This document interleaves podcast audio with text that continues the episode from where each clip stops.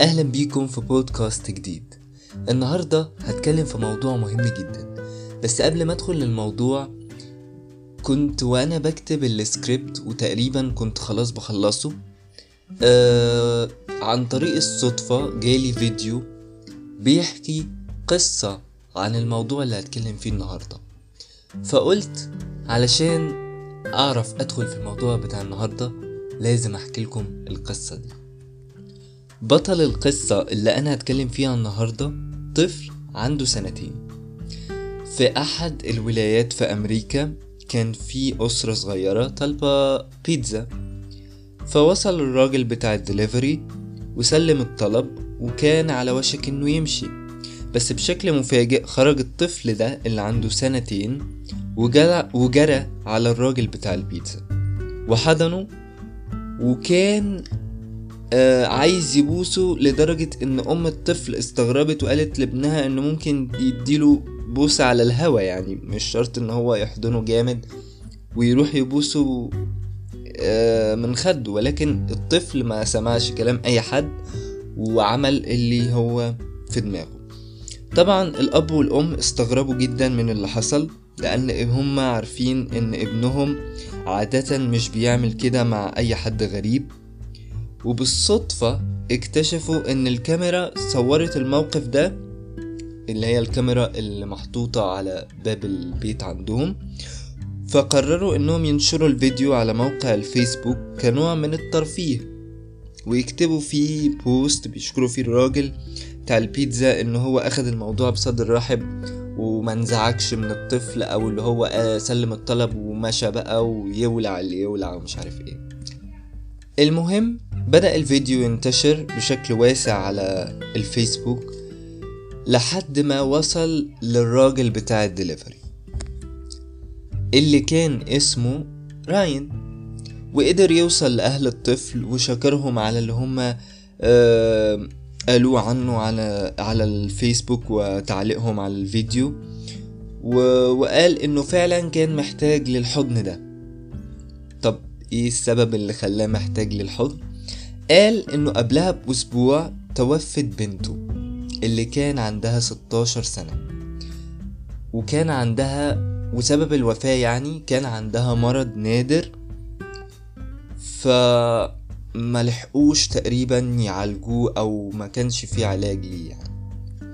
فبعد ما أهل الطفل عرفوا حقيقة الموضوع قرروا يوضحوا الأمر على السوشيال ميديا و...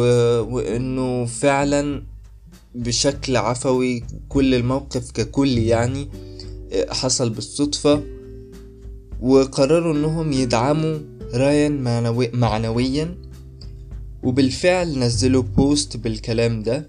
وطبعا ناس كتير بدأت تتعاطف مع رايان واتعاملت معاه يعني الموضوع كبر شوية واتعمل معاه interview وقال فيه إنه بيعتبر اللي حصل هو جبر من النوع الإلهي الخاص.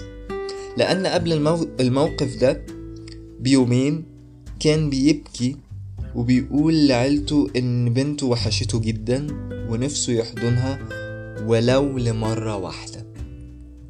فبعد ما خلص ال interview ال interview طبعا اتنشر على ال social media فالناس بدأت تتفاعل معاه لدرجة إن قامت حملات للتبرع وجمع الفلوس وتسليمها لعائلة راين عشان يعملوا ليها أو يعملوا لبنته جنازة تليق بيها.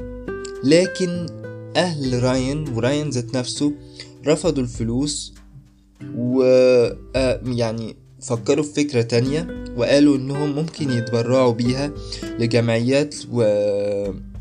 ومؤسسات لإنقاذ وحماية الأطفال تكريما لروح بنته. بصراحة يعني بعد ما قرأت القصة دي أثرت فيا جدا. فحسيت إن جبر الخواطر ده شيء جميل جدا وممكن يغير حاجات كتير في الإنسان نفسيا ومعنويا وكل حاجة يعني. لو نفسيا أنت مرتاح هيبان على شكلك و... وعلى تصرفاتك وأسلوبك وحياتك بشكل عام. في ناس ممكن ما تفهمش يعني إيه جبر الخواطر. إيه هو معنى المعنى الحرفي أصلا للكلمتين دول. وخليني في الأول أشرح معناهم يعني معنى كل كلمة إيه. جبر جاية من كلمة جبيرة أو جبار. وهو اسم من أسماء الله الحسنى ومعناها لما بحثت عنها هو إن مداواة الكسر. لما يكون مثلا الإنسان حصل له كسر في العظم فبيحتاج لجبيرة أو لجبس عشان العظم يلتئم. أما كلمة خاطر هو الذهن أو القلب أو النفس أه لما حد إيده مثلا أو رجله بتتكسر أو حتى تتجزع بيكون الألم عامل زي مش عارف أقولها إزاي يعني بيبقى صعب برضو في البداية أنت متجبس ولما بتفك جبس برضو بتحس بتنميل وحاجات كده فما بالك لما يكون الكسر من جوه من جوه القلب. الإحساس طبعا بيبقى صعب. وكلنا أكيد مرينا بفترة من الأوقات حصل لنا كسر من جوه. المهم خليني أدخل في النقطة اللي بعد كده. في ناس بقى للأسف مش عارفين الفرق ما بين الصراحة والوقاحة وبين المجاملة وجبر الخواطر والنفاق.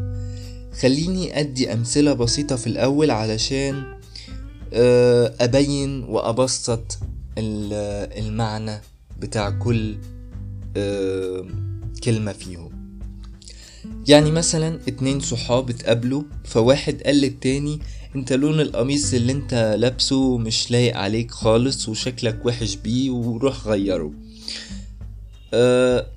أو مثلا واحد تاني أو واحدة ماشية في الشارع مع خطيبها وقابلت صاحبتها وسلمت عليها وعاملة إيه وازيك ومش عارف إيه وراحت صاحبتها كده اخداها وسحبها على جنب وقالت لها هو ده اللي انت سبتي فلان علشان عشان ده؟ ده ده التاني كان برقبته. يعني في المواقف اللي زي دي بحب أقول اللي هو هي ارتاحت للشخص ده. اللي معاها. انتي بتحشري مناخيرك ليه؟ المهم ما علينا يعني إن اللي بيقول الكلام ده من وجهة نظره إن هو شايف نفسه صح وإن هو شخص صريح وخايف على اللي هو صاحبه واللي قدامه وخايف على مصلحته ومش عارف إيه. بس للأسف الصراحة اللي من النوع ده ما بيبقاش فيها أي مراعاة للمشاعر بتاعة الشخص اللي قدامك. وما تقوليش إن مفيش حد ما بيحسش لأن كلنا بشر وكلنا بنحس وكلنا بنفرح وكلنا بنزعل. وطبعا الأسلوب في الكلام بيفرق جدا. يعني ممكن تقول للشخص اللي قدامك آه إن هو مثلا آه القميص ده مش حلو عليه بس بطريقة ألطف. مش إن أنت دبش تخبطها خبط لزق كده من غير أي مقدمات ولا أي حاجة وتقول أنا كده صريح. يعني مثلا على المثال بتاع القميص ممكن تقوله آه ده شكله حلو عليك جدا ولايق على بعضه بس لو كنت جبت مثلا اللون كذا كان هيليق أكتر وكان شكله هيبقى أحلى ولكن أنت برضو عرفت توصل اللي أنت عايزه بطريقة ألطف. طب بالنسبة بقى لل... للمجاملة والنفاق وإيه الفرق ما بينهم؟ آه عشان أوضح برضو المعنى اللي أنا عايز أوصله هديكم أمثلة تسهل المفاهيم اللي أنا عايز أوصلها. يعني مثلا ضيف جه البيت رحبت بيه وقعدت معاه وقلت فيه شعر. وبعد ما مشى قلت لنفسك ده دمه سم ده يف ده يقرف. ده لا يطاق ده قعد لغاية الساعة كذا ومش عارف إيه. ده طبعا واضح جدا إن هو نفاق. يعني مش محتاج أوضح إن ده اسمه نفاق. يعني عشان ما يبقاش نفاق ماشي رحب بيه بس بطريقة لطيفة وكل حاجة. ومن جواك مش لازم إن أنت تقعد تغلي في نفسك يعني. ماشي ده في بيتك وضيف ورحب بيه وخلاص. ياخد ضيافته ويمشي يعني. مش لازم ت... تطلع البدع يعني. طب المجاملة بقى وجبر الخواطر بيعتمدوا على إيه؟ بيعتمدوا أكتر على النية. يعني حد مثلا أنت شايف إنه شكله حلو أو مش خلينا أقول شكله مش قد كده. أه كلمتين حلوين منك ممكن يجبروا بخاطره ويغيروا من أه معنوياته. ممكن يتقال على الموقف ده إنه مجاملة وجبر الخواطر برضو بس برضو لازم المجاملة تبقى بحدود. زي إيه مثلا؟ واحد شعره منكوش وقميصه زرايره مقطعة. تيجي أنت تقوله الله على جمال تسريحتك وشياكة قميصك. إيه يا راجل ده؟ ده ولا أمير زمانك ومش عارف إيه. دي طبعا هتبقى أفورة مفقوشة جدا وهيبقى نفاق. يعني كده قلبت بنفاق. يعني اللي هو بتقول حاجة أصلا مش موجودة ولا ليها علاقة بالموجود باللي أنت شايفه ولا أي حاجة ونيتك من جوه عارف إنها زي الزفت. وبرضو بتقول كلام يعني برضو بيحرج. يعني أكيد الشخص ذات نفسه عارف إن شعره منكوش وقميصه ممكن يبقى فيه زرار متقطع وأنت بتقوله كده ما أكيد هيعرف إن أنت بتحور عليه. يعني الموضوع مقفوش. طب غير اللي أنا قلته كل ده اللي أنا قلته أه لو أنت في حد مش طايق تتعامل معاه أصلا في ناس تقولك لو ضحكت في وشه أو قلت له كلام حلو يبقى أنت كده منافق. وبتضحك على نفسك. بس أنا شايف إنه بالعكس يعني بادر إنك تكون آه الأحسن وإنك آه تصفي النية. يعني ما تكونش إيه تكون سالك. يعني هي دي الكلمة اللي ممكن توصف كل اللي أنا عايز أقوله. والرسول صلى الله عليه وسلم علمنا جبر الخواطر رغم وجبر الخواطر طبعا والمعاملة الكويسة.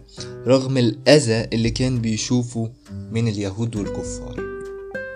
ودي كانت نهاية البودكاست بتاع النهاردة وإن شاء الله أشوفكم في بودكاست جديد. شكرا لكم.